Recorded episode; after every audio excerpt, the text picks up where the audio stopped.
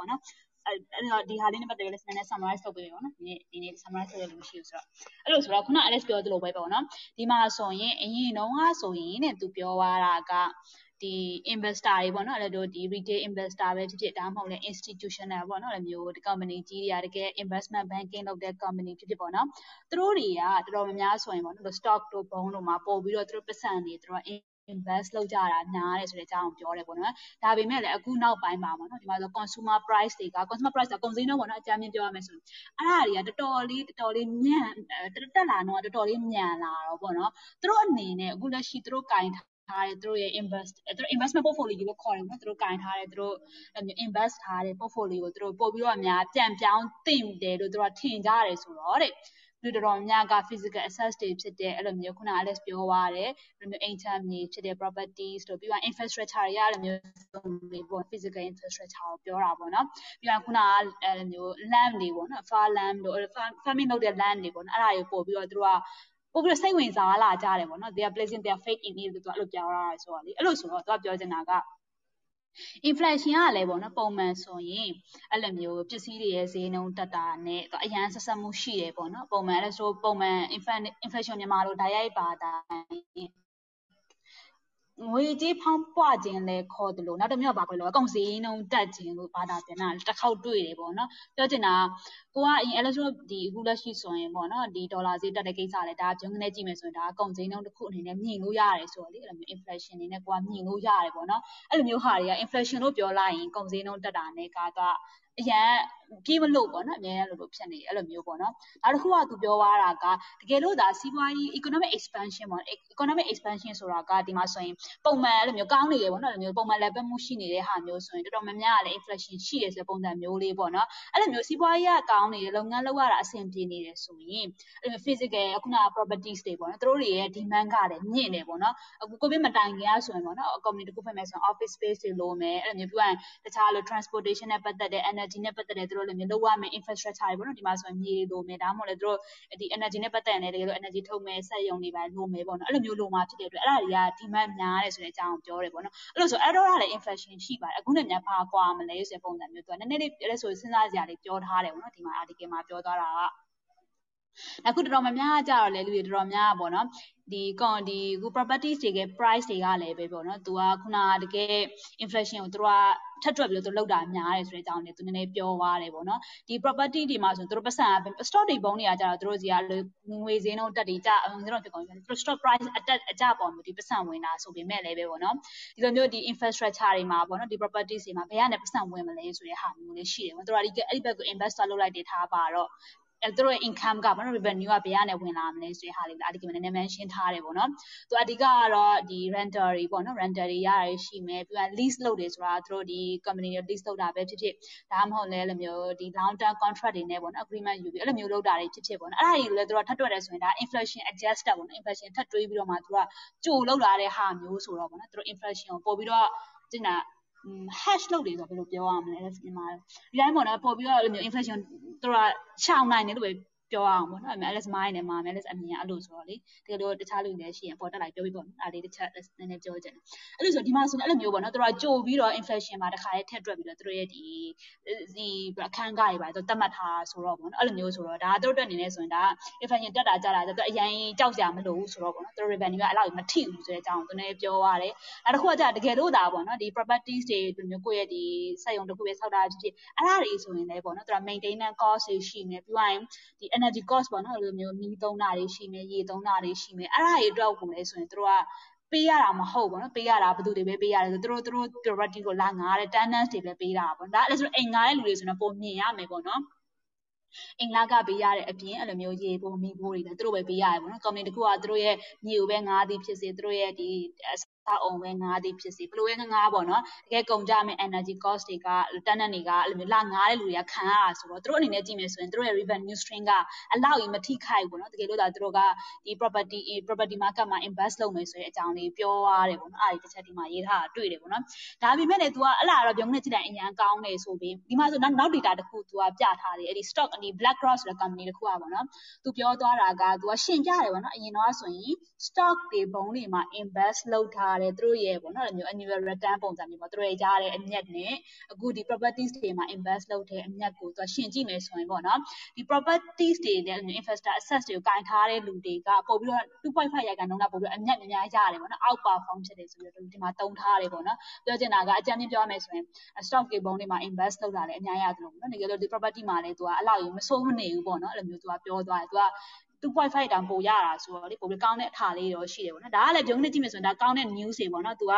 အဲသူ inflation လည်းတစ်ခါတည်းကပါလုပ်ပြီးသားပြီးသွားတဲ့အပြင်ပေါ့နော်သူက cost တွေကိုလည်း tenant တွေကပဲခိုင်ခံရတယ်ပေါ့နော်ပြီးသွားရင်သူကတခြားဟာတွေနဲ့သူကရှင်းမယ်ဆိုရင်တခြား investment portfolio တွေနဲ့ရှင်းမယ်ဆိုရင်တောင်မှသူက2.5%လောက်တာတယ်ဆိုတော့ဒါကောင်းတဲ့ good news တွေပေါ့နော်ဒါပေမဲ့မကောင်းတဲ့မကောင်းတဲ့ဘက်လည်းရှိသေးတယ်ပေါ့နော်အရာတော့ကောင်းတယ်ဆိုတာမျိုးမဟုတ်တာအဲ့လိုမကောင်းတဲ့ဘက်မှာဘာရှိလဲဆိုတော့ ဒါကြရင်ပေါ့နော်ကိုက invest လုပ်လိုက်တယ်ဆိုပေမဲ့လည်းအဲ့ဒါတွေကအရင် predict လုပ်ရတာခက်တယ်ပေါ့နော်အခု pandemic ဖြစ်လာတယ်အင်းနောက်ဆုံး remote work တွေဖြစ်လာတော့ဒီ office space တွေကအဲ့လိုမျိုးသူတို့ဟာတွေအခုဆိုရင်ရှာနေပိတ်ရတယ်ပိတ်ရတော့ rental တွေကမရှိတော့တဲ့အကြောင်းလည်းသူနည်းနည်းပြောတယ်ပေါ့နော်အဲ့လိုဆိုတော့အရင်တော့ performance ကောင်းတိုင်းလေအများတန်းလို့လို့ performance အဲ့လိုမျိုးပေါ့နော်သူတို့ revenue stream ကကောင်းမယ်ဆိုတာမျိုးကဘယ်သူမှအာမမခံနိုင်ဘူးပေါ့နော်အဲ့ဒါတွေတစ်ခုလည်းရှိတယ်နောက်တစ်ခုကဆိုရင်အဲ့လိုမျိုး e-commerce တွေအရင်အရင်ခက်စားလာတာတွေပြီးတော့အခု remote work တွေအရင်ခက်စားလာတာတွေအဲ့ဒါတွေကိုပြန်ရှင်းကြည့်မယ်ဆိုရင်ပေါ့နော်ဒီ property market ကအခုဆိုနေအထိနာတဲ့ပုံစံမျိုးရှိရပေါ့နော်နောက်တစ်ခုကဒီခုန infrastructure တွေဆိုတာလင်းကွင်းနေပြီးတော့ power plant တွေဒါတွေကလည်း infrastructure နဲ့ပတ်သက်တာပေါ့နော်အခု power plant တွေပါတယ်ဆိုလဲကြည့်မယ်ဆိုအခုဆိုရင်တော်တော်များများက climate change ကြောင့်ပေါ့နော်သူတို့ decarbonization ကိုလုပ်နေတာမျိုးဆိုတော့ပေါ့နော်သူတို့ဆိုလဲအထိနာရတယ်ပေါ့နော်အခုဒီ office space တွေကဒါလည်း property တွေပဲလေသူတို့အနေနဲ့ကြည့်မယ်ဆိုရင်အခုဒီ remote work တွေဖြစ်တာတဲ့ e-commerce တွေဖြစ်လာတော့သူတို့အနေနဲ့လည်းအထိနာရတယ်ပေါ့သူအဲ့ဒါလေးပြောသွားတယ်ပြီးတော့နောက်တစ်ခုကဒီအခုအိမ်ချမ်းဒီ farmland ပေါ့နော်လည်းမျိုးဒီစိုက်ပျိုးရေးအတွက်သုံးတဲ့နေရာတွေပြန်ကြည့်မယ်ဆိုရင်လည်းဒီ climate change ကြောင့်ပေါ့နော်သူတို့အများကြီးအထိနာတွေအများကြီးရှိတယ်ပေါ့နော်အကောင်းကြီးလည်းမဟုတ်ဘူးအခုပြန်ကြည့်မယ်ဆိုရင်ဒါသူတို့အခုအခုလက်ရှိပေါ့နော် pandemic ဖြစ်တာရဲ့ပြီးတော့ globalization ပေါ့ဆိုဒီ climate change ကြောင့်ရေပေါ့နော်အဲဒီ physical property တွေကတော်တော်လေးအထိနာတယ်ဆိုတဲ့သဘောသူကပြောသွားတယ်ပေါ့နော်ဒါကမကောင်းတဲ့အချက်ကနဲ့ပြန်ကြည့်မယ်ဆိုရင်ပေါ့နော်အဲသူက performance ဘယ်လောက်ပဲကောင်းသည်လို့ပြောပြောပေါ့နော်အဆိုးလာတာအများကြီးဒီမှာ predict လုပ်လို့မရဘူးပေါ့နော် future predict လုပ်ရတာအရန်ခက်တယ်ဆိုလို့သူနည်းနည်းပြောသွားတယ်ပေါ့နော်အဲဒါဆိုအခုအလောက်ပဲပြောမယ်တခြားကောဦးကနည်းနည်းပြောချင်တာရှိသေးလားဒီ article နဲ့ပတ်သက်ပြီးတော့လေပြောစရာမရှိအဲ့ဒါဆက်ပြောပေးပါမယ်အာဟုတ်ကဲ့ article article နဲ့ပတ်သက်ပြီးတော့အာဒီကကျတော့ကျွန်တော်လည်းလမ်းဝေးတယ်ပေါ့နော်ကျွန်တော်တို့ကအဲလို့ဆိုရင်အဲ့တော့မသိပါဘူးအာကျွန်တော်သိရဆိုဒီကိုနာပတ်ဝန်းကျင်ကဟာလောက်ပဲနည်းနည်းသိရဆိုတော့ဒါတော့အမအဲ့လက်ကိုလွှဲပါတယ်ဟုတ်ကဲ့ပါလက် ဆက်ပြီး article ဟာဆက်ပြောမယ်ပေါ့နော် Alex ပဲအရင်ပြောနေရောလေတခြားကိုယ်အမြင်နဲ့ကြားချင်โอเคပါအဲ့လို့ဆိုတော့ဒီမှာ Alex ပြောဆက်ပြောမယ်ပေါ့နော်ခုန Alex ပြောသွားတာသူကောင်းတဲ့အချက်တွေလေးပြောသွားတယ်မကောင်းတဲ့အချက်တွေနည်းနည်းပြောတယ်ပေါ့နော်အဲ့လိုမျိုးတစ်ခါ performance ကောင်းတိုင်းလည်းဒီဟာငါတို့ဒီအိမ်ချမ်းမြေပဲဝယ်ပြီးတော့ရောင်းဝယ်လုပ်ရမယ်ဆိုတာမျိုးကလည်းမဟုတ်ပြန်ဘူးပေါ့နော်အဲ့ဒီအရင်ကတစ်ခေါက်ကကောင်းတယ်ဆိုမှလည်းအခုကကောင်းချင်မှကောင်းမှာဆိုတဲ့ဟာမျိုးတွေလည်းတွေးစရာတွေရှိတယ်ပေါ့နော်နောက်တစ်ခုကကြတော့သူကပြောချင်တာကတကယ်တကယ်အဲ့လိုမျိုးကောင်းတဲ့အဲ့လိုမျိုးပေါ့နော် properties တွေပါကြတော့လွယ်လွယ်ကူကူနဲ့ဝယ်ရတာခက်တယ်ပေါ့နော်အဲ့လိုမျိုးလွယ်လွယ်ကူနဲ့အဲ့လိုမျိုးသူတို့ကတကယ်တကယ်ပေါ့နော် hidden gem တွေအရင်အစည်းတက်တတာနဲ့နောက်ပိုင်းနဲ့တန်ဖိုးတက်လာမယ်ရှိရ property တွေတော်တော်များများက accessibility ကလူတိုင်းလို့မရဘူးပေါ့နော်လွယ်ကူနဲ့ access မရှိဘူးအဲ့ဒီ market တဲ့ဆိုတဲ့အကြောင်းလည်းသူနည်းနည်း article မှာပြောသွားတယ်အဲ့မျိုးပတ်စံအများကြီးရှိတယ်အဲ့လိုမျိုးသူတို့ connection ကောင်းကောင်းကန်းရှိတယ်ပတ်စံအများကြီးရှိတယ် institutional investor တွေကပို့ပြီးတော့အဲ့ထဲကိုပို့ပြီးတော့ရောက်တာတွေပိုများတယ်ပေါ့နော်အဲ့လိုမျိုးဆိုတော့ ပြောမယ်ဆိုရင်ကိုရီကိုရီကိုရီလိုမျိုး retail investment အနေနဲ့တော့ကြည့်မယ်ဆိုရင်ပေါ့နော်တနိုင်ဒီမှာ invest လုပ်တဲ့အနေနဲ့ဆိုရင်တော့ဒါပုံမှန်ဆိုအိမ်ဝယ်တာကတော့ပို့ပြီးတော့ထင်ရတယ်ပေါ့ဒါပေမဲ့အိမ်ဆိုတာလည်း income ကန်နေဆိုရင်သူများဝယ်လိုက်တာတွေပုံများတယ်ပေါ့နော်ကိုကနောက်ဆုံးမှကိုက retail market မှာသွားယူတာဖြစ်တဲ့အတွက်ကိုကနောက်ဆုံးမှမကောင်းတဲ့ဟာတွေပဲပို့ပြီးတော့ရဖို့ chance ကပုံများတယ်ဆိုတဲ့အကြောင်းတွေသူနည်းနည်း article မှာပြောသွားသေးပါဘောနော်ရုံးနဲ့ကြည့်မယ်ဆိုတော့ maybe ပေါ့နော်အိမ်ချမ်းမြေဝယ်တာကလည်း inflation အဲ့လိုမျိုးဘယ်လိုခေါ်မလဲအဲ ခုနလေးပြောတာကာကွယ်တဲ့ပုံစံမျိုးလောက်တာလေးဆိုပေမဲ့လည်းပဲပေါ့နော်တစ်ခါကျအဲ့လိုမျိုးဖြစ်သွားအောင်ပေါ့နော်ပြီးတော့တကယ်ကောင်းတဲ့ဟာကြီးကြတော့လေတကယ်အဲ့လိုမျိုးအရင်တော့သူတို့ဝယ်လိုက်ကြတယ်ပေါ့နော်နောက်တစ်ခုကကျတော့အိမ်ချမြေတာနေမှာဟုတ်ဘူးနော်အဲ့လိုရွှေတို့တခြားပေါ့နော်ရွှေတို့ဆို gold ပါမယ်ပြီးမှတခြား commodity ပေါ့နော်အခုမြန်မာနိုင်ငံမှာဆို USD ဝယ်တဲ့ပုံစံမျိုးတွေဒီမျိုးပေါ့ပေါ့နော်အဲ့လိုမျိုးဟာကြီးပြီးတော့တခြားပေါ့နော်တခြားဟာကြီးလည်းအများကြီးရှိသေးတယ်ဆိုတဲ့အကြောင်းလေးသူနည်းနည်းရေးထားတာလည်းတွေ့သေးတယ်ပေါ့နော်ဒါပေမဲ့လည်းပြောင်းကနေကြည့်မယ်ဆိုရင်သူတို့က လေတော်တော်များအိမ်ချမ်းမြေဝယ်လိုက်တန်းဈေးအများနဲ့တက်မယ်ဆိုတဲ့ဟာဒါအဲ့ဒါ mid လိုပုံစံမျိုးပေါ့နော်ဒီမှာလေတစ်ချက်ပြောသွားတယ်လေတော်တော်များများ real estate မှာသွားပြီးတော့ invest သွားလုပ်တယ်ဆိုရင် ပုံမှန်ကသူတို့ကဒီသူတို့ကအမြဲတမ်းအောင်မြင်ပေါ့နော်ဈေးအရန်တက်မယ်သူထင်ကောင်းထင်တဲ့ဟာကြီးကတကယ် mid ခုအနေနဲ့ဖြစ်နေတဲ့ဆိုတဲ့အကြောင်းလေးသူနည်းနည်းပြောသွားတယ်ပေါ့နော်ခါကြရင်တချို့တချို့တချို့တချို့နေရာတွေမှာတော့အိမ်ဈေးနှုန်းကတော်တော်လေးတက်လာတယ်ပေါ့နော်ဒါပေမဲ့လည်း2009 2008လိုမျိုး financial crisis ထပ်ဖြစ်ပြီးဆိုရင်ဈေးတွေကထိုးကြအောင်ပါပဲအဲ့ဒါကိုလည်းမိထားလို့မရဘူးပေါ့နော်အဲ့လိုမျိုးသူနည်းနည်းပြောသွားတယ်ဒီမှာဆိုရင်သူက2020ကနေပြီးတော့2022ပေါ့နော်10ရာစုနှစ်အတွင်းကိုကြည့်နေဆိုရင်တဲ့ဒီမျိုး real estate တွေမှာသွားပြီးတော့ invest လုပ်တာက 1.8 trillion လောက်ရှိလာတယ်ပေါ့နော်အဲ့အရင်ကတည်းကဆိုင်နှစ်ဆလောက်တိုးလာတယ်ဆိုတဲ့အကြောင်းလေးလည်းသူ article မှာနည်းနည်း mention ထားပြီးတယ်ပေါ့နော်ပြောချင်တာအခုကဒီအဲ့ဒီ market ကတော်တော်လေးဒီတော်တော်များ hot ဖြစ်နေတယ်တော့ပြောလို့ရတဲ့ပုံစံမျိုးလေးပေါ့နော်ဒါပေမဲ့လည်းဒီခုန2009လည်းပြောသလိုပဲပေါ့နော်ဒီ bubble ထပ်ဖြစ်ရင်ရော ဒီဈေးကတက်လာအောင်မလားကျလာအောင်မလားအခု US တို့ဘာတော့မှဆိုရင်အဲ့အကြောင်းခဏခဏပြောတာလည်းတွေ့တယ်ပေါ့နော်အခုဆိုရင်တချို့ချို့နေရာတွေမှာဆိုရင်အိမ် property ဆိုတာလည်းအိမ်နဲ့ properties လို့ပြောလို့ရတာဆိုတော့လေအစမတန်ထိုးတက်လာတဲ့ကိစ္စကိုလည်းဒါမေ့ထားလို့မရဘူးပေါ့နော်ဒီဟာမျိုး2009 2008လိုမျိုးတစ်ခေါက်ထပ်ဖြစ်လာနိုင်တယ်လားဖြစ်လာနိုင်တယ်ဆို argument တွေလည်းရှိရဆိုတဲ့အကြောင်းကိုသူကပြောတယ်ပေါ့နော်ရုံကနေကြည့်လိုက်မယ်ဆိုရင်ဒါ inflation မျိုးတမင်သက်ရှောင်းခြင်းလို့သူတို့ကဒီ physical access တွေမှာတွားပြီးတော့ သွားပြီး invest လုပ်တယ်ဆိုပေမဲ့လည်းသူတို့ဒီမှာတခြားအများကြီးရှိတယ်ဆိုတဲ့အကြောင်းလေးကိုသူကပြောသွားတဲ့ဟာလေးပါပဲနော်ဒီ article မှာကြတော့ဒီနေ့ငါတိတ်ပြောမဲ့လူမရှိဘူးဆိုတော့အောက်ကလူတွေလည်းပေါ်တက်လာဘူး LS ဖိတ်တယ်ပေါ့နော်ဒီနေ့ဟာနဲ့ပတ်သက်ပြီးတော့အဓိကအဓိကအရင်လည်းမရှိဘူးပေါ့နော် तू ကအခုလေတော်တော်များအဲ့ဒါအပြင်ပေါ့နော်ဒီခုနအခုအဲ့လိုမျိုးဖြစ်လာတော့ real access ဒီမှာဆို तू blog ချင်းချောင်းနဲ့နည်းနည်းလေး तू ပြောသွားတယ်ပေါ့နော်ဒီအခုကဘယ်လိုပြောလဲဆိုတော့ပေါ့နော်အဲ့လိုမျိုး ဒီမှာဆိုတိတ်တော့ LS ဖိတ်တော့နားမလဲဒီမှာသူဘာပြောလဲဒါမှမဟုတ်လဲ NF NFP အကြောင်းလည်းပြောရတယ်ဖြစ်ကောင်းဖြစ်နိုင်တယ်ပေါ့တော်တော်များများအကြ physical asset သွားယူရင်ကောင်းမှာဒါမှမဟုတ်လဲ crypto ဘက်ကိုပဲသွားရင်ကောင်းမလားပေါ့နော် non fungible token ဆိုတာဒါမျိုးသူပြောတာဆိုတော့အဲ့ဒါဘက်တွေလည်းတချို့တွေသွားကြတာပေါ့အဲ့လိုမျိုးသွားရလဲရှိတယ်ပေါ့နော်ပုံစံမျိုးပေါ့သူအဓိက question ကဒါအဒီတစ်ခုအဓိက question ကဘာကိုပြောချင်လဲဆိုတော့ innocent investor တွေက stock တွေဘုံတွေဝယ်တဲ့နေရာကနေပြီးတော့ပေါ့နော်အခုဆိုရင်သူတို့တဲ့အဲ့လိုမျိုးပို့ပြီးတော့ကောင်းနေပေါ့နော်အဲ့လိုမျိုးဘယ်လိုလဲ ကြီးကြီးအားမျက်နှာရသွားတယ်လို့ပုံစံမျိုးပေါ့နော်ငါတို့ဒီအခုဘုံလေးဒီ stock တွေကလည်း infection အရင်ဆိုသူတို့သိအဆင်မပြေတော့ဘူးငါတို့တခြားတစ်ခုထပ်ပြောင်းရင်ကောင်းမလားဆိုပြီးတော့ဒီ physical မျိုးဒီ property market တွေ physical asset တွေရောက်လာတယ်ဒါပေမဲ့လည်း physical asset မှာလည်းသူကလည်းကောင်းတာဘာမှမဟုတ်အခုတော့ကောင်းတယ်ဆိုပေမဲ့လည်းမကောင်းတာလည်းအများကြီးရှိတာဆိုတော့ digital ဘက်ဝယ်ပြန်သွားမလားပေါ့နော် crypto တို့အဲ့လိုမျိုးခုန NFT NFT လို့တော့သူပြောသွားတယ်ပေါ့အဲ့ဒါဘက်တွေသွားရင်ပဲကောင်းမလားဆိုတာမျိုးလေးလုပ်နေတယ် investor တွေကသူတို့ကခြေလန်းလန်းဖို့တခြားနေရာတွေခြေလန်းလန်းဖို့ပြင်နေတယ်ဆိုတဲ့အကြောင်းလေးသူနည်းနည်းပြောသွားတယ်ပေါ့နော်အဲ့လိုပြီးတော့သူ article မှာရေးထားတယ်ဒါကတော့ article summarize ပေါ့နော်အဓိကဒီအခုလက်ရှိမှာ inflation နဲ့ပတ်သက်ပြီးတော်တော်များကြောက်တော့ interview ဝယ်တဲ့ကိစ္စပေါ့နော်။ဟုတ်ရင်မြန်မာနိုင်ငံမှာရောအဲ့ဒီအခုလက်ရှိပေါ့နော် inflation အကြောင်းနဲ့ပတ်သက်ပြီးနည်းနည်းပြောပါအောင်နော်။အဲဆိုဒီ article ကတော့ထားပါဒါ US ကအခြေအနေသူနည်းနည်းပြောတာဆိုတော့တခြားမျိုး rich country အကြောင်းပြောတာဆိုတော့လက်ရှိမြန်မာအနေနဲ့ကြည့်မယ်ဆိုရင်ဘယ်လိုလေးလဲပြောပါအောင်နော်။ဟုတ် အာပြောမှာတော့လည်းတော့ရှုပ်တယ်ပေါ့နော်။ဘာလို့ဆိုတော့ကျွန်တော်တို့က inflation ကိုကျွန်တော်ဟိုတစ်ခေါက်ကအာဟိုပါလေတစ်ခေါက်ပြောကြတယ်လေလက်ဆိုနဲ့အဲ့နဲ့ပတ်သက်ပြီးကျွန်တော်အကြောင်းတကယ်ကြီးနဲ့မေးစကားပြောဖြစ်တယ်ပေါ့။စကားပြောဖြစ်တဲ့အခါကျတော့သူကပြောတော့ပေါ့နော်။အဲ့တော့ငါတို့ inflation ကိုပေါ့နော်အာဘယ်လိုနည်းနဲ့မြန်မာနိုင်ငံ inflation data ရနိုင်မလဲလို့ပြီးတော့သူကတော့ပြောတာပါပြောလဲဆိုရင်ငါတို့အရင်ကအတိုင်းပဲ GDP ကနေသွားကြတာပေါ့တဲ့ GDP ဆိုတော့ကျွန်တော်ဘာပြောလဲဆိုရင်9ရဲ့ဒေါ်လာရဲ့ဟိုပေါ့နော် upper ဆိုတဲ့ဟိုပေါ့စီပေါ့နော်73စီပေါ့အဲ့ခါကျတော့ကျွန်တော်အရင်နှစ်ကနေအရင်နှစ်ကကျွန်တော်တို့ရဲ့အဲဘယ်လိုပြောမလဲ ဝယ်ခဲ့ရတဲ့ဟာနဲ့ပြီးတော့ဒီနေ့မှာနိုင်ငံလိုက်ပြောင်းလဲတဲ့ဈေးရယ်ပြီးတော့ကျွန်တော်လက်ခုလက်ရှိဝယ်နေရတဲ့ဟာရယ်တွက်လို့ရှိရင်ကျတော့ကျွန်တော်တို့ inflation rate ထွက်လာတယ်ပေါ့နော်အကြမ်းမြင့်ထွက်လာတယ်ပေါ့နော်အဲဒါပေမဲ့ CPI အနေနဲ့တော့ကျွန်တော်လုံးဝသွားလို့မရဘူး inflation ပြဿနာကအဲပြီးတော့နောက်တစ်ခါကျတော့ကျွန်တော်တို့ဒီဘယ်လိုဆို inflation ဖြစ်တဲ့ဟာနှစ်ခုရှိရတာနှစ်ခုရှိရဆိုတာတစ်ခုကတော့စီးပွားရေးကျဆင်းလို့ inflation ဖြစ်တယ်နောက်တစ်ခုကကျတော့ဘာဖြစ်လဲဆိုလို့ရှိရင်အဲကျွန်တော်တို့စီးပွားရေးကျဆင်းတာပေါ့ဖွံ့ဖြိုးတဲ့နိုင်ငံဆို inflation ဖြစ်တယ် အဲ့နှစ်ခုမဟုတ်ဘူးねကျွန်တော်တို့ကျတော့ code expression ဖြစ်တယ်ပေါ့နော် code expression ဆိုတော့ basic expression ဖြစ်တဲ့ခါကျတော့ဒီ expression ကကျတော့ကျွန်တော်တို့ကခံမှန်းလို့မရဘူးပေါ့နော်ဘယ်လောက်တိုင်းတာကြီးသွားမယ်ဆိုတော့ခံမှန်းလို့မရဘူးခံမှန်းလို့မရတဲ့ခါကျတော့အာဒီတော့မှလည်းခုနပြောလို့ပဲကျွန်တော်တို့ကအပြည့်ဝလည်းဆိုခံမှန်းချက်လည်းထုတ်လို့မရဘူးဖြစ်တယ်ပေါ့နော်အာပြီးတော့ခုနပြောလို့ capital တွေသွားတယ်ပေါ့နော်ကျွန်တော်တို့ HMB တွေပါတယ်သွားတယ်ဆိုတာကတော့အရင်တုန်းကပုံစံနေနဲ့ဆိုတော့အရန်ဆင်ပြေတယ်ပါဆိုတော့ သူကတော့အဲ့ဒီလိုမျိုးပေါ့နော်ဒီမှာစီးပွားရေးပြက်ကတ်ကြုံလို့ရှိရင် long term investor သမားတွေကဘာလုပ်ကြလဲဆိုရင်သူကလုံးဝအတိအကျဖြစ်တဲ့အရာတွေကိုပိုရွေးပြီးမှဝယ်ကြတယ်ပေါ့နော်ဘာလို့ဝယ်လဲဆိုရင်အဲ့အရာတွေကစီးပွားရေးပြန်ကောင်းလာတယ်တကယ်တမ်းအလုပ်ကနေပြန်လုပ်တဲ့ခါကျလို့ရှိရင်အဲ့အရာတွေကတကယ်လဲမပြန်ဖြစ်တယ်ပေါ့နော်အာတခြားချိန်တွေမှာတော့လုံးဝကိုမှ investment အနေနဲ့သူကရင်းညွှန်းမှထားပြီးချိန်မှာလုံးဝကိုမှဘယ်လိုဆိုရင်မှန်ကန်တဲ့အဲဟိုပြန်ဖြစ်သွားတယ်ဆိုတဲ့ခါကျတော့သူကအဲ့မျိုးလုံးဝအခိုင်အမာဖြစ်တဲ့အရာကိုသွားတယ် အဲအဲ့ကျွန်တော်နိုင်ငံကြားတဲ့ခါကျတော့ဘယ်လိုပြောမလဲဆိုရင်ကြောင့် open market လို့ခေါ်တဲ့အစိုးရ bond တွေဝယ်တာပေါ့နော်သူများနိုင်ငံမှာဆိုတော့ကျွန်တော်စီမှာတော့အဲ့လိုဟာမျိုးဝယ်ဖို့ဆိုတော့အခုချိန်မှာဖြစ်နိုင်ဘူးပေါ့နော်ဖြစ်နိုင်တဲ့ခါကျတော့ကျွန်တော်စီမှာဆိုရင်ဒီ expression ကိုတက်ဖို့ရအရင်ခက်ခဲပါတယ်ဟုတ်ကဲ့ပါဟုတ်ကဲ့ပါကိုအခုပြောရဲဆိုရင်ခုနကလည်းကိုဒီ inflation rate အကြောင်းလေးနောက်ဆုံး data အရဘယ်လောက် percent ရှိရတယ်တစ်ချက်လောက်ပြောလိုက်သေးလားသိချာမကြားလိုက်ဘူးတစ်ချက်ကလေးအဲ့ဒါနဲ့ပတ်သက်ပြီးတော့ဟုတ် ကျွန်တော်နောက်ဆုံး data အနေနဲ့တွက်ထုတ်ကိုမရပါဘူးဆိုတော့အဲ့တော့ inflation ကပုံမှန်ပေါ့နော်ကျွန်တော်အခုလက်ရှိအာကျွန်တော်ပုံမှန်ဆိုလို့ရှိရင်ဘာလို့လဲဆိုရင်ကျွန်တော်တို့က inflation ကိုတကယ်ကျွန်တော်တကယ်ကျွန်တော်ဒီနော်ပုံမှန်ခံမှန်းနေရကြဖေဖော်ခံမှန်းလဲဆိုရင်ကရွှေဈေးအပြောင်းလဲကျွန်တော်အရင်ကဟာတယ်ပြီးတော့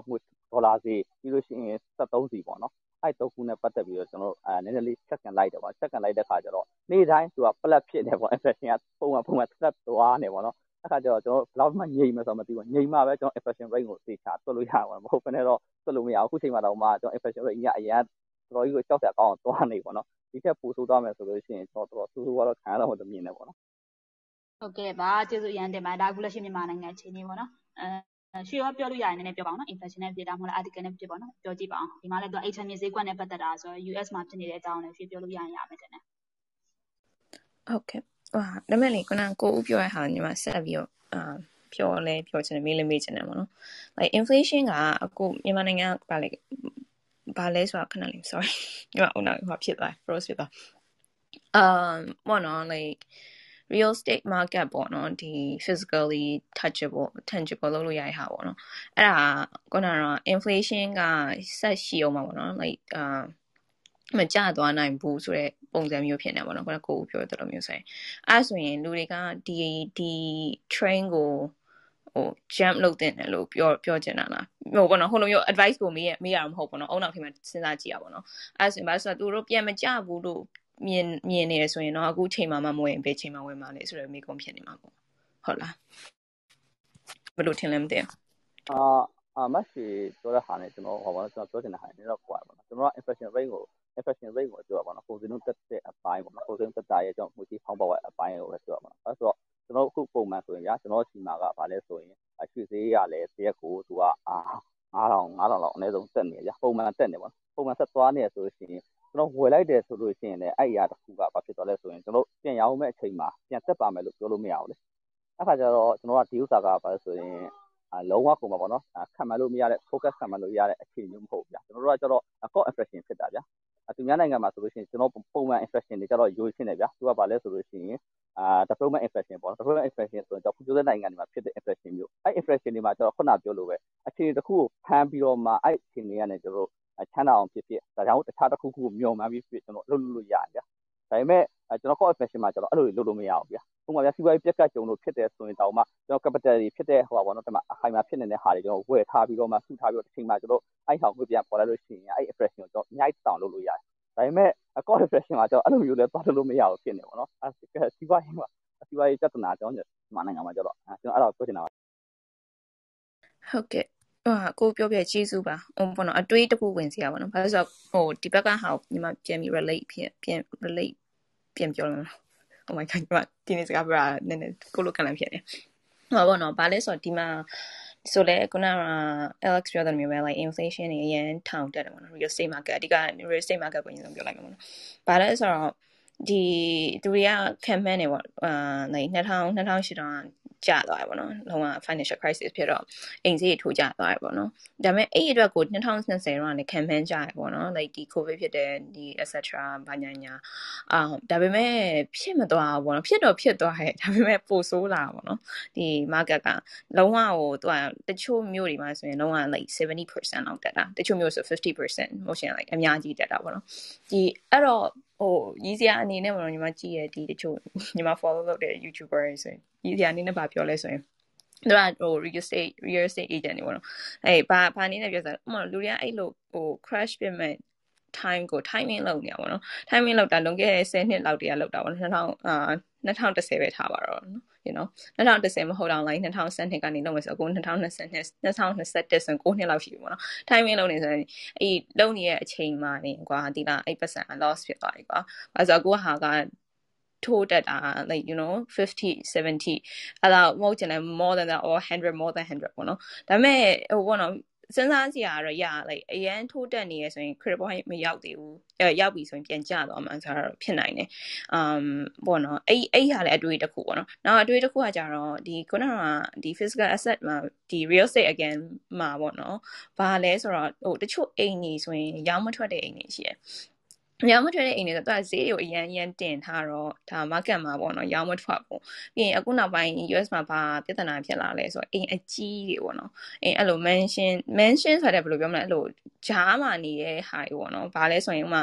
အာလူတွေအခုဈေးတက်မယ်ဆိုရင်ဥမာနှစ်ရက်အာ you know လူတွေနေနိုင်တဲ့ဟာပေါ့နော် affordable ဖြစ်မဲ့အိမ်ဆိုရင်လည်းဈေးဈေးရရှိရပေါ့နော်သူတစ်ဈေးပေါ့နော်ပြီးရင်နောက်တစ်ခုကကျတော့လုံးဝဟို luxury apart အဲဘယ်လိုပြောမလဲ like house တွေပေါ့နော်အဲ့ဒီဟာဆိုလည်းဈေးတစ်ဈေးပေါ့နော်ဒါပေမဲ့အဲ့ကြားထဲမှာကိုလိုကန်လည်းဟိုဘက်လည်းမရောက်ဒီဘက်လည်းမရောက်တဲ့ဟာပေါ့နော်အဲ့လိုအရန်အိမ်ကကြီးရယ်ပြီးရင်အခုနောက်ပိုင်းလူတွေကကလေးတွေလည်းနဲလာတယ်မဟုတ်ချင်လည်းဒီမှာဒီမှာကကလေးတွေလည်းမွေးတာအဲ့လိုမျိုးဟာကြီးနဲလာတော့အိမ်ကြီး market တွေကဟိုဘယ်လိုပြောမလဲဈေးတွေတချို့ကအရန်တင်ထားပြီးတော့ရောင်းမထွက်တဲ့အိမ်တွေအရန်ရှိနေအောင်လည်းဟိုတစ်ခါအားတစ်ခါတစ်ခါဖတ်လိုက်ရတယ်ပေါ့နော်အဲ့တော့အဲ့ဒါလေးစဉ်းစားစရာတစ်ခုပေါ့နော်အာဒါပေမဲ့ခုန NFT ကိစ္စအကြောင်းဆိုရင်တော့ yeah အဲ့အဲ့ဒါလဲအဲ့လေဘောနော်ဟိုဘယ်လိုပြောရမလဲအရန်ကို hard နေရတော့ရှိရပါတော့ physical ပဲအခုဟာက asset လို့ physical asset အဲဟိုဖြစ်မှာလားပေါ့နော် digital လောကရောက်နေပြီ digital မှာဟိုဟာအဲ့ဒါကို collection လုပ်မလားဆိုတော့ညီမအမြင်ကတော့ NFT ကဘာမြင်လဲဆိုရင်ဒီ you know like paint painting စေဒီဒီလိုမျိုး art တွေကို um ဘယ်လိုပြောမလဲရောင်းတာဝယ်ရရဒါလည်းစေလောကတစ်ခုပဲလေနော် like အရန်ဒီစေကြီးရဲ့ paint paintings တွေကိုဝယ်ရဆိုရင်လည်းဒါ NFT နဲ့ကအခုဟာပုံစံမျိုးအဲ့လိုမျိုးဖြစ်နေရပါတော့ဒါပေမဲ့ဒါ it's a matter of ဘယ်လိုပြောမလဲလူလူဒီ generation ပေါ့နော်ဒီ generation မှာဘယ်ဟာကိုပို့ပြီး value ထားတယ်ကျဆိုရင်လည်းဒီ yo yo physical paintings ပဲဘာဖြစ်တာရှိတယ်တချို့ကြတော့မဟုတ် NFT ကိုဘာဖြစ်မှာပေါ့နော်အဲ့တော့အဲ့ ကလည်းနှစ်ခုစလုံးကတော့တွေးကြပါတော့ဒါပေမဲ့တခုကကြတော့ခုန real estate market ကိုပြန်ကြည့်မယ်ဆိုရင်ဒါက estate estate a thing ပေါ့ဘာဆို it looks like estate a thing ပေါ့နော် a thing ဆိုတာဘယ်လိုပြောမလဲဒီလူတွေကအော်ဒါတော့ဒီမှာရှေ့ကိုအဲဘယ်လိုမလဲအရန်ရန်ရန်ဟိုဘယ်လိုပြောမလဲဟိုးရောင်းနေရလုတ်ခဲ့တဲ့ဒီ market ပေါ့နော်ဒါကအဲ့ဟာမယိုးသေးဘူးလားဆိုတာလည်းဟိုစဉ်းစားစရာပေါ့နော်ဟုတ်ကဲ့ကျေးဇူးပါ ဟုတ်ကဲ့ပါ LS ကျွန်တော်မရိုးသေးလောက်ထင်တာပဲပေါ့နော်ဒီမှာအခုဒီဒီ market တွေ data အရဆိုရင်ပြောတာပတ်စံတွေခက်ရှည်အများကြီးရှိတယ်သူတို့ဘယ်မှာ invest လုပ်လို့မရမသိတော့သူတို့ဒီ real estate တို့ခုနက NFT case တွေသွားတာဆိုတော့อืมတော်တော်များအဲ့ဘက်ကိုသွားကြမယ်ထင်တယ် audience တွေလည်းပေါ်တက်လာပါတော့ဒီနေ့ကပြောမယ်လို့သိမရှိဘူးဆိုတော့လေ audience တွေရဲ့အမြင်လည်းနားထောင်ကြတယ်ပေါ့နော်ကိုကိုနည်းနည်းထပ်ပြောချင်တာရှိသေးလားမရှိ LS ထပ်ပြောညီမတခုပြောမယ်နော် Alice ပြောလိုက်တဲ့စကားလုံးကိုညီမအကြအကြကောက်ပြန်ပြောလိုက်မယ်နော်။ um ဘာလဲဆိုတော့အာပတ်စံနေအရင်များပြီးဘယ်မှာထားစရာမရှိအဲဘယ်မှာထည့်ရမှာမရှိဘူးဆိုတော့တကယ်လို့ဒီပေါ့နော် real estate ကိုထည့်ရဟုတ်တယ်ဒါပေမဲ့စဉ်းစားကြည့်ပေါ့နော်အာ like uh corporate မျိုးဒီလိုမျိုး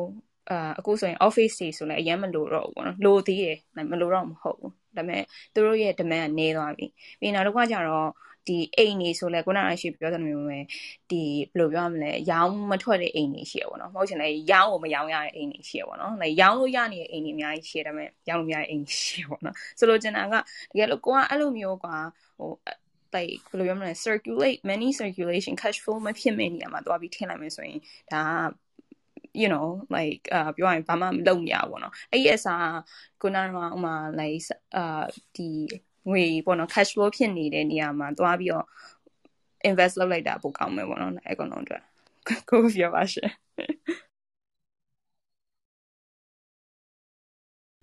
တော့ကျွန်တော်ဖွင့်နေရအော်ဟုတ်ကဲ့ဟုတ်ကဲ့အဲ့ဒါဆိုကိုပြောဖို့တင်လို့อืมအေးပေါ့နော်အဲ့လိုလဲစဉ်းစားလို့ရတာပဲ ဒါပေမဲ့ဒီဒီအဓိကအဓိကအဲ့ဒါပဲသူပြောချင်တာ real ဆိုတာဘာလဲပေါ့နော်ခုန physical access တွေပဲ real access ကိုခေါ်မှာလား what is real real ပေါ့သူက go and go လို့သူကထည့်ထားဆိုတော့လေဒီအခု 21st century မှာ real ဆိုတာကဘာကိုပြောတာလဲပေါ့နော် physical asset တင်လားဒါမှမဟုတ်လေ digital asset တွေရောပါမှာလားပေါ့နော်အဲ့ဒါမျိုးသူနည်းနည်းပြောသွားတာတော့တွေ့တော့တွေ့လိုက်တယ်ဒါကလည်းစိတ်ဝင်စားစရာပါ တချို့တချို့တချို့အဲ့လိုမျိုး painting တွေ art တွေဆိုရင်သူတို့ဈေးသွားချင်းလှမ်းတာဟိုတလောလောက် Michael လားမသိ Alex ကိုရှေးတာအဲ့လိုမျိုး painting တစ်ခုဆိုရင်သူ BNB နဲ့ပေါ့သူအဲ့ဒါလုံး100 BNB 1000 BNB ဆိုတော့အနည်းဆုံး4000 5000လောက်ရှိနေပေါ့နော် US 5000လောက်ရှိတော့အဲ့လိုမျိုး app တွေလည်းရှိတာဆိုတော့ဒါမျိုးတွေကအနည်းဆုံးပေါ့နော်ပို့ပြီးတော့ market access ကိုလူတိုင်းလိုရပို့ပို chance များတယ်ပေါ့နော်ဒီ NFT နဲ့ပတ်သက်ပြီးကြည့်မယ်ဆိုလူတိုင်းလိုကတော့ဝယ်လို့ရတယ်ဒီမှာကျွန်တော် real real estate ဆိုတာဒီမှာပြောချင်တာဒါ physical access တွေပေါ့နော်အဲ့လိုမျိုးဟာကိုကြည့်မယ်ဆိုရင်ပေါ့နော်သူပြောချင်တာကအခုကလူတိုင်းလိုကတကယ်ကောင်းတဲ့ဟာတွေဆိုတာ accessibility တိတ်မရကြဘူးပေါ့နော်ခုနကရွှေပြောသလိုမျိုးတကယ်ဈေးသမင်သက်တင်လာတဲ့ဟာမျိုးဆိုနေဒါကဘယ်သူမှချင်းကပ်လို့မရအောင်ပဲသမင်သက်လုပ်နေတာလားပေါ့နော်အမျိုးမျိုးရှိတယ်ဆိုတဲ့အကြောင်းလေးဆိုသူနည်းနည်းပြောသွားတယ် ဒီဟာလည်းစိတ်ဝင်စားစရာကောင်းတယ်ပေါ့နော်မြန်မာနိုင်ငံဆိုရင်လည်းအခုကလည်းသိသလောက်ပေါ့နော်တော်တော်များများကအဲ့လိုမျိုး cash ကိုမကင်တော့ဘဲနဲ့မျိုး physical ဖြစ်တဲ့အဲ့လိုမျိုးအိမ်တွေဝယ်တာတို့ခြံတွေဝယ်ထားလိုက်တာပို့လောက်ကြတာတော့အဲ့လိုတွေ့လိုက်တယ်ပေါ့နော်အဲ့လိုမျိုးတွေတော့သတိထားမိတယ်ဟုတ်ကဲ့ကိုကိုသားထုမင်္ဂလာပါကိုနည်းနည်းမြင်လေးရှင် share ပေးပါအောင်နော်အဲ့ဒါဆိုဟုတ်ကျွန်တော်ကအမြင်ဖြတ်ပေါ့နော်ကျွန်တော်မိကိုလေးဒီမှာကိုရီမတွေများတိမလားပေါ့နော်ကျွန်တော်မေးချင်တာဒီငွေကြေးဖောင်းပွားမှုနဲ့ပတ်သက်ပြီးတော့ပေါ့နော် အာကျွန်တော်တို့ဒီခုမြန်မာပြည်မှာဆိုကျွန်တော်တို့တော်တော်လေးကိုခုန်တက်သွားတယ်ပေါ့နော်ဒေါ်လာဈေးတွေကတက်သွားတယ်တစ်ဖက်မှာလည်းပေါ့နော်ကျွန်တော်တို့ဒီ Southeast Asia မှာကြည့်လို့ရှိရင် Indonesia တို့အာဗီယက်နမ်တို့မှာလည်းကျွန်တော်တို့ထားလိုက်ပါဗီယက်နမ်ဆိုရင်ကျွန်တော်တို့ဒေါ်လာကိုသူငွေနဲ့ဆို2000တောင်ပေါ့နော်2000တောင်လောက်ရှိရဆိုတော့သူတို့ကဘယ်လိုမျိုး survive လုပ်နေလဲပေါ့နော်ကျွန်တော်တို့ဒီလို မြန်မာငွေလေးကြာကျွန်တော်ဒေါ်လာလေးကိုကျွန်တော်ဥမာ2000ကျော်လေးနဲ့ပေါ့နော်ဆိုတော့အာ rate ကတော့မတူပေါ့နော်နှုန်းတာတော့မတူဒါပေမဲ့အာကျွန်တော်တို့အာအဲ့လိုမျိုးထားပါကျွန်တော်သိချင်တဲ့မေးခွန်းကတော့အာဒီငွေကြေးဖောင်းပွားမှုနှုန်းများနေစေကျွန်တော်အဲ့လိုနိုင်ငံမှာသူတို့အနေနဲ့စီးပွားရေးဘယ်လိုမျိုးအာကျွန်တော်လဲပတ်နေတယ်လဲပေါ့နော် ဘယ်လို survive လုပ်နေကြလဲပေါ့နော်ကျွန်တော်မြန်မာပြည်မှာကျတော့အခုလိုငွေကြေးဖောင်းပလာနည်းနည်းလို့လို့အာဆဆာဖြစ်သွားတာပေါ့နော်အဲ့အချက်တွေကိုကျွန်တော်သိချင်ပါတယ်ကိုယ့်အမြင်ဖြေပေးလို့ရလား let's take တော့သူကိုကိုကိုသားသူပြောတဲ့ဟာကို let's နည်းနည်းတော့နားလဲ good very good question မှာဟုတ်တယ်ဟုတ်သူများနိုင်ငံမှာဆိုတော်တော်လာတောင်းချီပြီးပေးရတာရှိတာပဲဟုတ်တယ်ဟုတ်မြန်မာနိုင်ငံမှာအခုမှ2000ဘယ်လိုမျိုးဘယ်လိုများလုပ်လဲဆိုရဟာဟုတ်တယ်ဟုတ် question survive လုပ်နေကြတယ်ဟုတ်ဟုတ် တချို့ငွေဆိုလဲဗီယက်နမ်ဆိုမီလီနာတွေဟုတ်ဟုတ်အဲကျွန်တော်ဆက်အဲဖြည့်ကြည့်မယ်နော်ဒါကျွန်တော် opinion မှာလုံးဝကြီးအဲဆိုရင်တော့အာဒီတော့ပေါ့နော်ဟောမျိုးမဟုတ်ပါဘူးကျွန်တော်တို့ပုံမှန်ပေါ့ဗျာသူက infection တွေကိုကျွန်တော်ပြန်တက်တဲ့ခါကျရင်တိုင်းပြည်ရဲ့လေပတ်တဲ့ပုံစံတွေသိချာအာဟောလို့ပြောမှ structure ပေါ့နော်ဥပမာဗျဘန်တွေကဘန်ကနေပုံမှန်ဆိုရှင်ကျွန်တော်ဗျာလူတွေကဘန်မှာလာအပ်တဲ့ဆိုလို့ရှိရင်ဘန်မှာလာအပ်တဲ့ကိုရဲ့75%ကိုပဲဘန်နဲ့ဒီတခြားလူတွေပြန်ထုတ်ချေလို့ရတယ်ပေါ့နော် အဲ့တော့ခုနပြောလို့ပဲသူကဒီ infection တွေမှာဘန်ရဲ့ထိထုံးအပိုင်းတွေအများကြီးပါတယ်ဒါပေမဲ့ခုနပြောလို့ပဲဒီဗီယက်နမ်တို့ဘာလို့ရဲ့ဈေးဖြစ်တာကသူကဘာဖြစ်လို့ဖြစ်သွားလဲဆိုရင်ဗီယက်နမ်မှာသူကပြက်ကတ်ကျုံသူကပြက်ကတ်ကျုံတဲ့အခါမှာသူ့ငွေဈေးတန်ဖိုးကျရပေါ့နော်အဲ့ငွေဈေးတန်ဖိုးကျသွားပြီးရင်နောက်ပိုင်းမှာဖြစ်သွားလဲဆိုရင်သူက stable stable value ဖြစ်တယ်ပေါ့ stable value ဖြစ်သွားတယ်ဆိုတာကသူ့ငွေဈေးတန်ကျက်တန်သွားဥပမာကျွန်တော်မြန်မာနိုင်ငံမှာဆိုအရင်ပြားရည်သုံးကြပြားတွေကိုကျွန်တော်ကျက်ပြောင်းလိုက်လို့တာကျွန်တော်ငွေဈေးကသူတို့ဖြစ်နေတာကျွန်တော်ပြားတွေကိုကျက်မသုံးဘဲနဲ့ဆိုရင်ကျွန်တော်တို့ အဲခုနတရားတရားတစ်ချမ်းနဲ့ပဲပြန်တော့မယ်ဆိုရင်ကျွန်တော်ငွေဈေးကဗီယက်နမ်ငွေဈေးနဲ့ဘယ်လောက်ကွာလဲကျွန်တော်ပြန်စဉ်းစားလို့ရရဒါပေမဲ့ခုနပြောလိုပဲကျွန်တော် stable value တစ်ခုပြန်ရောက်သွားတယ်ဘောနော်တိုင်းပြည်ကလုံးဝ stable ဖြစ်သွားရင် stable value ပြန်ရောက်သွား stable value ဖြစ်သွားတဲ့အခါမျိုးကြလို့ရှိရင်ကျွန်တော်တို့ကအဲ့ချိန်မှပဲကျွန်တော်တို့ကဒီဟာကိုထိန်းလို့ရတာအာဘယ်လိုလဲဆိုတော့တိုင်းပြည်ကလည်းကျွန်တော်တို့ပို့ကုန်ထုတ်ကုန်အပိုင်းတွေလည်းအများကြီးဆက်ဆက်တယ်ပေါ့နော်အဲ့ဟာတွေပုံမှာမူတည်ပြီးမှတိုင်းပြည်ရဲ့အဲဘယ်လိုဆိုရင်ဝင်ငွေပေါ့ဝင်ငွေနဲ့ဒီဟာဝင်တိုင်းပြည်ဝင်ငွေအတိုင်းပြည်တက်ပတ်နေတဲ့ဝင်ငွေရဲ့အဓိကဟာရဲ့ပေါ့နော်အဲ့ဒီတစ်ခုကိုပေါင်းပြီးတော့မှပဲ ကျွန်တော်တို့ကဒီ inflation ကိုထိန်းကြတယ်ပေါ့အဲအဲ့ဒါကိုမှခုနပြောတဲ့ဘဏ်ရဲ့အစီအမံခါခါကောမှ inflation ကိုထိန်းကြတယ်ဒါပေမဲ့ခုနပြောလိုပဲဘယ်ချိန်မှပတ်စံတန်ဖိုးကဘယ်လောက်များသွားတယ်ဘယ်လောက်နည်းသွားတယ်ဆိုတာတော့ inflation ကိုမတွက်ဘူးဗျဥပမာဗျာကျွန်တော်တစ်ချက်ကိုဒေါ်လာကျွန်တော်ပေါ့နော်ဒေါ်လာကိုကျွန်တော်သသိန်းပေးရလဲကျွန်တော်ကျွန်တော်နိုင်ငံမှာအဲ့ဒေါ်လာသသိန်းနဲ့တန်တဲ့ level လေပတ်နေတဲ့စီးပွားရေးတစ်ခုရှိလို့ရှိရင်ဒါ inflation လို့မတွက်ဘူးဟိုကကျွန်တော်ပုံမှန်ပေါ့နော် inflation 1%ဆိုလို့ရှိရင်နောက်နှစ်မှာဆိုလို့ရှိရင်ကျွန်တော်သိန်းနဲ့ပစ္စည်းကိုသိန်းနဲ့တစ်ချက်ပေးလိုက်အောင်ပဲ ဒါဆိုရင်ကျွန်တော် inflation 1%လို့မပြောပါအဲကျွန်တော်ကခုနပြောလို့ပဲငွေကြေးဘယ်လောက်ဖြစ်သွားတာနဲ့ inflation ကိုမတွက်ဘူးတကယ်တမ်း inflation ကိုတွက်တာကြတော့ဘာနဲ့တွက်လဲဆိုလို့ရှိရင်ကျွန်တော်နေ့တစ်နေ့တစ်နေ့ရဲ့ changes ဖြစ်သွားတဲ့အပေါ်မှာပဲတွက်တာပေါ့နော်ဟုတ်ကဲ့အဲဆင်ပြေတော့ဟုတ်အဲကျွန်တော်နားလည်လိုက်တာခုနပြောတဲ့ဒီနိုင်ငံတွေမှာကျွန်တော်ငွေကြေးတတ်မှတ်လိုက်တဲ့သဘောလိုဖြစ်သွားတာပေါ့နော်ဒေါ်လာဥပမာဆိုတထောင်ပဲတတ်မှတ်လိုက်ရင်တတ်မှတ်လိုက်မယ်တသိန်းပဲတတ်မှတ်လိုက်ရင်တတ်မှတ်လိုက်မယ်ပေါ့နော်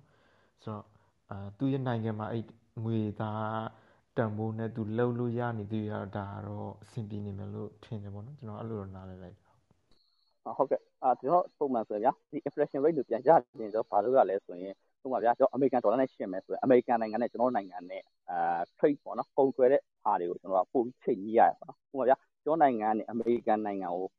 ပို့ကုန်များမယ်အမေရိကန်နိုင်ငံကကျွန်တော်ပြန်ပြန်ဝယ်ဟောပါတော့တွင်းကုန်နည်းမယ်ဆိုရင်ဘာဖြစ်လာမလဲဆိုရင် ကျွန်တော်တို့နိုင်ငံငွေလိုအပ်ချက်မြင့်လာတယ်ဆိုရင်အမေရိကန်နိုင်ငံကျွန်တော်နိုင်ငံကြားမှာရှိတဲ့ခုနပြောတဲ့တက်နေတဲ့ငွေစီနှုန်းတွေဖိနေပြန်ကျသွားမှာပေါ့နော်။ဒါပေမဲ့လည်းခုနပြောတဲ့အဲ့လိုအခြေအနေရှိဖို့တော့တော့ခက်ခဲပါတယ်။ဘာလို့ငွေကြေးက inflation ဖြစ်သွားလို့ရှိရင်အဲ့ငွေကြေးတန်ဖိုးပေါ့နော် change ဖြစ်သွားပြီးလို့ရှိရင်ပြန်ချလို့ရတာတော့တော်တော်ရှားရှားပါပါပဲ။အာစိတ်ရဖြစ်အောင်ထိန်းတာပေါ့တော်တော်ခက်ခဲပေါ့နော်။အဲ့လိုထိန်းနေတယ်ဆိုရင်ပေါ့ခုနပြောတဲ့ဘယ်လောက်ပဲတက်တက်အဲ့ဒါကိုကျွန်တော်နံပါတ်တခြားပေါ့နော်တင်မှာဟိုကအခုကျွန်တော်ကြားနေချက်ဖြစ်သွားဗျာ။ချက်ကနေကျွန်တော်နောက်ထပ်တစ်ခုခုအစားသုံးမျိုးမှတင်မှာ ထိန်းချက်လွှဲတယ်ဆိုတော့အမေရိကန်တော်တော်လာအောင်ကျွန်တော်တရားလို့ပြန်ပြောလို့ရအချိန်ဖြစ်နိုင်တယ်ပေါ့နော်ဟုတ်ကဲ့ဒီလိုထင်ပါဟုတ်ဟုတ်ကဲ့ကျေးဇူးပါဆိုတော့ကျွန်တော်အမြင်ပေါ့နော်အဲ့လိုတကယ်မှဆိုဗီယက်နမ်တို့အင်ဒိုတို့ဆိုရင်တော့တုံညရီလောက်အများကြီးနဲ့သူတို့လဲပတ်နေတော့လေကျွန်တော်ဆိုရင်ဟိုသူတို့ဆိုရင်ဟို daily life ပေါ့နော်ဆိုရင်မီလီယံနဲ့ချစ်သုံးနေရဆိုတော့ကောင်းနေတယ်မရှုပ်နေပါပဲလို့ဟုတ်ကဲ့ကျေးဇူးပါ ကောင်းပါတယ်အဲ့ဒါဆိုကိုသားထွန်းနဲ့ကိုအုံနဲ့ပြောရကြအုံနောက်တွေပါဝင်လာတယ်ဆိုတော့သူတို့ပြန်ပြီးတော့ဗောနော်ကို economy ရဲ့အခြေအနေရေတကယ်ဗောနော်ကဘာရဲ့အခြေအနေပြန်ပြီး rebalance ပြန်လုပ်လိုက်ပြီးတော့မှဖြစ်လာတဲ့ number တစ်ခုရောလဲဆိုထင်တာပဲတိလားဟိုခုနကတခြားအခုကိုကိုသားတို့ပြောရတဲ့နိုင်ငံတွေဆိုလဲသူတို့ကလည်း crisis တွေဖြစ်တော့သူတို့ရဲ့ဟာပြန်ပြီးတော့ rebound ပြန်လာတဲ့အချိန်မှာသူတို့ပြန်ညှိတဲ့အချိန်မှာဖြစ်လာတဲ့ price လို့တော့ထင်တာပဲပေါ့နော်တခြားလူရောအမြင်ပြောအဲ့လိုကျွန်ကလည်းအဲ့လိုမျိုးလေးတွေးတစ်ချက်ဝင်လာတယ်မိုင်းနဲ့မောင်းပဲပေါ့နော်ဒီတိုင်းပဲအဲ့လိုမျိုးတွေးတွေးနေ အဲ့လိုမျိုးလည်းဖြစ်နိုင်ပါတယ်လေကိုကို economy ကကိုပြန်ထူထားရမှာလေကိုပြန်ထူထားတဲ့အချိန်မှာတစ်ကမ္ဘာလုံးနဲ့ပြန်ရှင်တဲ့အချိန်တစ်ခါကျရင်ကိုဟာဘယ်လိုဖြစ်နေလဲဆိုတာလေကိုကသူများနေကိုဆက်ဆက်လို့ဆက်ဆံလောက်အောင်မယ်အဲ့လိုဆိုတော့အဲ့ဒါလည်းပြန် rebalance လုပ်ဖို့လုပ်မယ်လို့ထင်တယ်အဲ့ဒါကြောင့်လည်းအဲ့လို number တွေဖြစ်ဖြစ်သွားတာထင်တယ်အဲ့ဒါအမြင်ပေါ့နော်ပြီးတော့မှကိုပြောသလိုပဲတက်တာဒီ inflation တက်တာမတက်တာပြီးပြန်တွက်တာဖြစ်ပါလိမ့်မယ်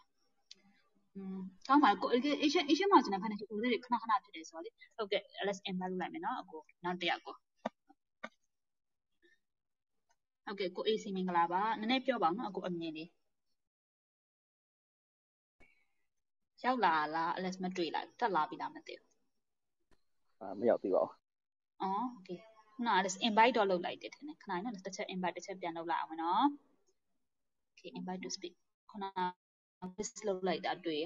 အဲ့အဲ့အဲ့ဒါလေးရန်အဲ့ဒါတစ်ခါတည်းစဉ်းစားမိတယ်သူတို့သူတို့ဖြစ်သွားတယ်ဆိုတာအဲ့လိုမျိုးဒီ Indonesia တို့ဘာလို့ဆိုလဲသူတို့က Asian Financial Crisis ဆိုပြီးတော့အဲ့တစ်ခေါက်ဖတ်ပူတယ်တော်တော်လေးမှတ်မိတော့ဒီ content တွေတော့ကြာဖတ်တာကြာပြီဆိုတော့နည်းနည်းနည်း meditative ဖြစ်နေပြီအဲ့ဒီအဲ့ဒီ number တွေကြီးွားရတယ်အဲ့ဒါကြောက်လဲပါတယ်ဗောနော် Korean တို့ဒီပိုင်းအဲ့လို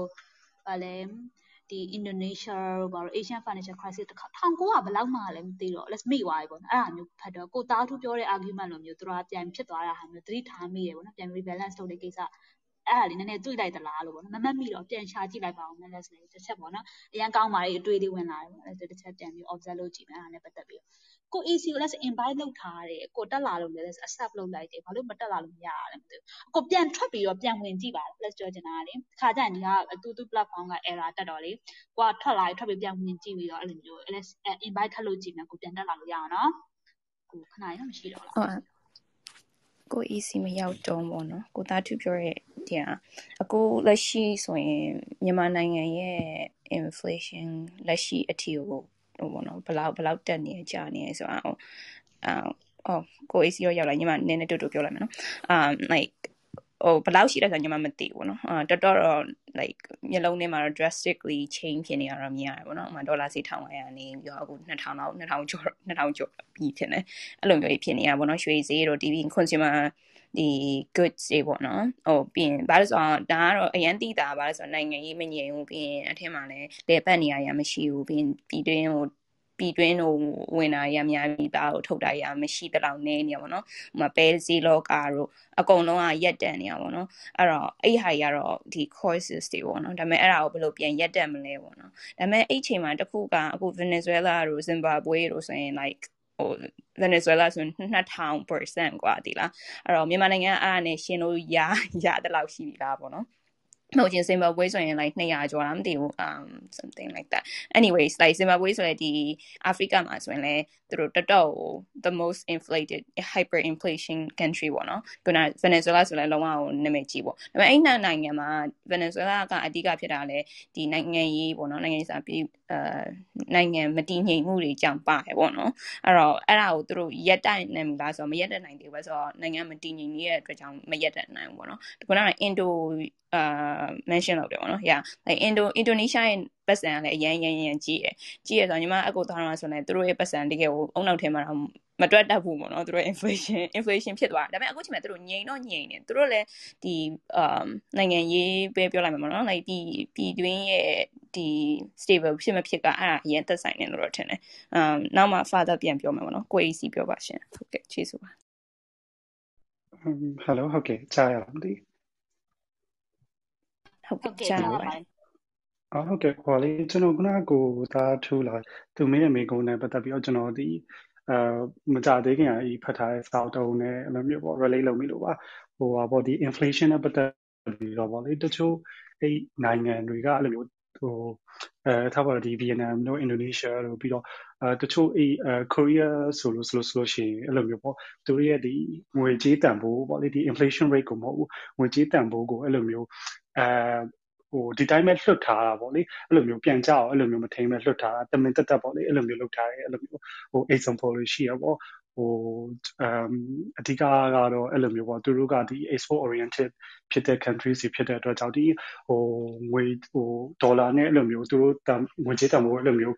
အဲနှိမ့်ချလိုက်မယ်ဆိုလို့ဆိုလို့ရှိရင် exporter တွေအဲ့လိုမျိုးထိခိုက်တဲ့အတွက်ကြောင့်ဟိုတစ်ခါတည်းကြာအဲ့လိုမျိုးသူငွေကြေးတန်ဖိုးပြန်မချပဲနဲ့ဒီတိုင်းပဲလွတ်ထားလိုက်တာမျိုးဒါမှမဟုတ်ပိုတင်လိုက်တာမျိုးအဲ့လိုမျိုးလုပ်တဲ့တာတကရရှိတော့ကျွန်တော်အဲ့ um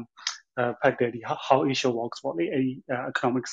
အဲစာအုပ်လေးနဲ့ပတ်သက်ပြီးကျွန်တော်ပြန်ပြီးတော့ um တတိယလို့ပါဆိုတော့အဲတချို့နိုင်ငံတွေကတော့အဲ့လိုမျိုးသူတို့ရဲ့ငွေကြေးတန်ဖိုးတမင်တက်တက်အဲ့လိုမျိုးအဲလွတ်ထားလိုက်တာရှိတာပေါ့လေပြီးတော့ဒီ inflation ကြတော့လေဟိုသူကဒီ rate ကိုအဓိကထားပြီးကြည့်တာဆိုတော့လေဟိုဒီဒေါ်လာကဘယ်လောက်1000တန်နဲ့2000တန်နဲ့ကတိတ်ပြီးတော့ဟိုပြဿနာမရှိဘဲနဲ့အဲ့လိုမျိုးပေါ့ဒီ inflation rate က stable ဖြစ်နေဖို့ပဲအရေးကြီးတာပေါ့လေဘာလို့ဆိုတော့ stable ဖြစ်ပဲအဲ့လိုမျိုးဟိုနေလိုက်ကြလိုက်ဆိုလို့ဆိုလို့ဆိုလို့ရှိရင်ဒီစီးပွားရေးလုပ်တဲ့လူတွေကလည်းဟိုခံမှန်းလို့မရဘူးလေဒီ importer exporter import export လုပ်တဲ့လူတွေကလည်းခံမှန်းလို့မရဘူးဆိုတော့ဒီဟိုကုန်သွယ်ရေးမှာလည်းအဲ့လိုမျိုး um ဟို fluctuations တွေများလို့ဆိုလို့ရှိရင်ဆုံးရှုံးမှုတွေများတာပေါ့လေဆိုတော့အဓိကကတော့အဲ့လိုမျိုးငွေကြေးတန်ဖိုးကဘယ်လောက်ရှိနေဆိုတာထက်ဒီ inflation rate ကတည်ငြိမ်ဖို့လို့ပဲဟိုအရေးကြီးတယ်လို့ကျွန်တော်ထင်တာပဲဟုတ်ကျေးဇူးပါနည်းနည်း backup ပြောလိုက်မှာနော်ကို AC ညီမလည်းခုနကိုရီးယားအကြောင်းပြောမလို့ကိုရီးယားဆိုလည်းအာ currency ရန်ကြီးရယ်ပေါ့နော်ဒါပေမဲ့ currency ကြီးတိုင်းလဲဒါ inflation နဲ့ ဟိုပေါ့နော်ဒါ part of the thing ပေါ့နော်ဒါပေမဲ့ခုနကသူတို့အာ you know သူတို့ဆိုရင်အဲ့ဒါကိုတက်ပါစေကြပါစေပေါ့နော်။အဲဆိုကိုရီးယားဆိုလည်းဒီ inflation ခုန rate ကိုပြန်ကြည့်ရဆိုရင် AMG ပေါ့နော် like uh, US အောင်ကို5 5လား6လားဟိုပထမ3ကနေအခု5ရောက်သွားပြီပေါ့နော်အာ US တောင်200နဲ့သူအစပင်မပြေဘူးပေါ့နော်အဲ့တော့သူတို့ဒီခုနကတော့ inflation ကဒီလေပတ်မှုပေါ့နော်နိုင်ငံရဲ့ဒီအာလေပတ်မှုပေါ့နော်အဲ့ဒီအဲ့ဒီဟာကို ထိန်းနိုင်တဲ့တလောက်ကတော့နော်ဒီ currency ကတော့သူကနေသူလူနေမှုအစဉ်နဲ့အငါတန်းသူဖြစ်သွားမှာပဲပေါ့နော်ဟုတ်ကဲ့ဟုတ်ကဲ့ပါကိုသားတို့မေးကြရှိသေးလားမသိဘူးဟုတ်အာကျွန်တော်အဲ့လိုအတွေ့အထဲဝင်လာတာပေါ့နော်ဆိုတော့အဲအကယ်၍သူတို့မှာကျွန်တော်ဒီလိုတုံညတွေအများကြီးနဲ့ဆိုတော့ပေါ့နော်ထားလိုက်ပါခုနပြောလို့ကျွန်တော်တို့လစာလုခလစာကြတော့ကျွန်တော်တို့ဟိုအခြေခံလစာကြတော့ သူတို့အနေနဲ့ပို့ပြီးတော့ရနေလို့လာပေါ့နော်ကျွန်တော်တို့ထားလိုက်ပါမြန်မာပြည်မှာဆိုကျွန်တော်တို့၄တောင်နဲ့ညီများတဲ့အဲတနေ့လောက်ခောက်ရတယ်ပေါ့နော်ဆိုတော့ဥပမာဆိုဗီယက်နမ်တို့အင်ဒိုတို့မှာဆိုရင်ရောသူတို့အနေနဲ့အလောက်နဲ့ညီများတဲ့ဟာကိုရလို့အဆင်ပြေနေကြတာလားပေါ့နော်ကျွန်တော်အဲ့ဒါလေးတော့တွေ့ရဝင်လာဟုတ်อืมပြောမှဆိုတော့ကျွန်တော် BNN ပေါ့နော်အ BNN ဆိုရင်အခုဘယ်လိုဆိုလဲဆိုရင်ဒါဟိုတလောတောင်မှပြဿနာတက်တယ်ပေါ့ဘာတက်လဲဆိုရင်သူ့နိုင်ငံကနေအာထုတ်ကုန်တွေသူ ခုတ်ခုံတွေအများများပြီးမှသူများနိုင်ငံကိုအများပြင်သူ့နိုင်ငံတော့ပေါ့နော်အာပြန်ယူရဟာနဲလို့ဆိုပြီးမှအဲဒီမညီညာမှုတက်ဆိုပြီးမှသူ့အတောင်မှာတက်တာရှာကြတယ်ပေါ့နော်အာဟုတ်ကဲ့အဲ့တော့ဘာဖြစ်လဲဆိုရင်အာကျွန်တော်တို့ကဒီပေါ့နော်အာ low level low level ပေါ့နော်ကျွန်တော် low level ဆိုတာကအောက်တီလူတန်းစားတွေရဲ့အခြေခံလစာကားကြတဲ့ခါကျတော့သူကသူ့နိုင်ငံမှာရှိတဲ့အာလူနေမှုပေါ့နော်လူနေမှုတရားအတွက်အခြေခံပြီးတော့မှပဲပေးကြတာဖြစ်တယ်ပေါ့နော်အာတော်များများနိုင်ငံတွေကိုကျွန်တော်လေ့လာကြည့်တော့ဘာဖြစ်လဲဆိုရင် အာတော့ကောင်းတယ်ပေါ့နော်ကျွန်တော်နိုင်ငံကျွန်တော်နိုင်ငံသားတော့နဲတာပေါ့နော်ကျွန်တော်နိုင်ငံမှာ basic level တောင်း basic level ကိုအပြည့်အဝမပေးနိုင်ဘူးဒါတကယ်ကြတော့အခုပြောတဲ့ပြည်နယ်တို့ဘာလို့မှာကတော်တော်ကောင်းကောင်းမွန်ရပါတယ်ကျေးဇူးတင် ဟုတ်ကဲ့ပါ Alex ထင်တော့သူတို့အနည်းဆုံးသူတို့ living standard နဲ့လည်းမဟုတ်လဲ living ပေါ့နော်သူတို့ living နေတဲ့နေရာပေါ်မူတည်တော့သူတို့အဲ့ဒါတော့ပေးမယ်လို့တော့ထင်တယ်ပေါ့နော်ဟုတ်ကဲ့ပါဆိုနည်းနည်းလေးကြာပြီဆိုတော့လေနည်းနည်းလေး summarize ဟုတ်လုပ်ပြီးကျေးဇူးပါအဲ့မှာနည်းနနော်ဟုတ်ကဲ့ပါဟုတ်ကဲ့ပါဒီနေ့ဒီနေ့ article ရဲ့ summary ကဘာမှတော့မဟုတ်ဘူးပေါ့နော်ဒီနေ့ကသူကအခုလက်ရှိပေါ့နော် inflation ကလည်းတစ်ကမ္ဘာလုံးမှာတက်နေတယ်ဆိုတော့အဲ့လိုမျိုးပေါ့နော်အဲ့လိုမျိုး stock တွေပုံတွေမှာ invest လုပ်မဲ့အစားတကယ်အဲ့လိုမျိုး real estate တွေအဲ့လိုမျိုး properties တို့ infrastructure တို့ဒီမှာ infrastructure ကသူပြောသွားတာအဲ့လိုမျိုးဒီ office block တို့ဒီ airport တို့ power plant တို့ပေါ့နော်အဲ့ဒါမျိုးတွေမှာပို့ပြီးတော့ invest လုပ်လာကြတယ်အထာလေးတွေ့ရတယ်ပေါ့နော်ဒီဒီဒီ investor တွေကလည်းအဲ့ဘက်တွေခြေတန်းစလန်းနေတယ်အဲ့ဘက်တွေပို့ပြီးသွားကြတယ်ပေါ့နော်အကြမ်းမြင့်ကြည့်မယ်ဆိုရင်သူ့ရဲ့ performance ကတခြား stock တွေပုံတွေဆိုင်နည်းနည်းလေးပိုကောင်းနေဆိုပေမဲ့လည်းတခြားသူမှာပြဿနာအများကြီးရှိတယ်ပေါ့နော်အခု အခုကဒီမှာဆိုရင်သူအခုကိုဗစ်ဖြစ်သွားတဲ့အကြောင်းလည်းသူနည်းနည်းပြောသွားတယ် remove အကြောင်းလည်းနည်းနည်းပြောသွားတယ်တော်တော်များများကကြတော့ဒီ e-commerce တွေတက်လာတဲ့ကိစ္စတွေ remove တက်လာတဲ့ကိစ္စတွေကြောင့်ပေါ့နော် office space လို့ဆိုနေအသုံးမသိမရှိရတဲ့အကြောင်းလည်းပြောသွားတယ်ပြီးတော့အဲ့လိုမျိုးဒီ power plant တွေပါတွေဆိုနေအခုကဒီ global ပေါ့နော် sorry climate change ကြောင့်ပေါ့နော်အဲ့လိုမျိုးတိတ်ပြီးတော့အလုံးမဖြစ်တဲ့ဟာတွေလည်းပြောတယ်ဆိုတော့လေသူကပြောင်းကနေကြည့်မယ်ဆိုရင်အဲ့ဒါ performance ကောင်းတယ်ဆိုပေမဲ့လည်းသူ့မှာတခြားတွေးကြအများကြီးရှိတယ်ပေါ့နော်အရင်တော့ performance ကောင်းတယ်ဆိုပေမဲ့လည်းအခုကောင်းချင်မှကောင်းမဲ့ပုံစံမျိုးသူပြောသွားတာပေါ့နော်နောက်တစ်ခုကဒီ real access တာပါကိုပြောချင်တဲ့ကိစ္စလည်းသူနည်းနည်းပြောသွားတယ်ပေါ့တကယ် physical access တွေပဲ real access ကိုခေါ်မလား ဒါမှမဟုတ်လည်း အခုနောက်ပိုင်းပေါ့နော် non tangible token ဖြစ်တဲ့ NFT ဘာလို့အဲ့ဒါကို ခေါ်မလားပေါ့နော်ဒီ digital age ဆိုတော့အဲ့ဒါမျိုးတွေနည်းနည်းတော့ question ထုတ်သွားတဲ့ article လေးပါပဲအကြမ်းပြောမယ်ဆိုရင် inflation ကြောင့်ပေါ့နော် inflation ကနေပြီးတော့ inflation နည်းနည်းရှောင်ကျင်လို့တခြား inflation cover လုပ်လိုက်မဲ့လုံနိုင်တော့မယ်လို့ထင်တဲ့အဲ့လိုမျိုး properties market ကိုသွားတဲ့အဲ့လိုမျိုးတွေလုပ်နေကြပါတယ်ဆိုတဲ့ဟာလေးကို inform လုပ်တဲ့ပုံစံမျိုးလေးပေါ့နော်ဒီ investor တွေကပဲသူရဲ့ဒီပြောမယ်သူရဲ့ဒီဒီမှာသူပြောသွားတာပင်ကွင်းကိုသူ example ပေးသွားတယ်ပေါ့နော်ပင်ကွင်းကပဲတခြားနေရာပြောင်းမလားပေါ့နော်အဲ့လိုမျိုးပုံစံမျိုးလေးသူကပြောသွားဒီလောက်ပါပဲဒီနေ့ကတော့တခြားလူကနည်းနည်း summary ပြောချင်လားဒါမှမဟုတ်လည်းနီကွန်ကျုပ်ပြောချင်လားမသိဘူး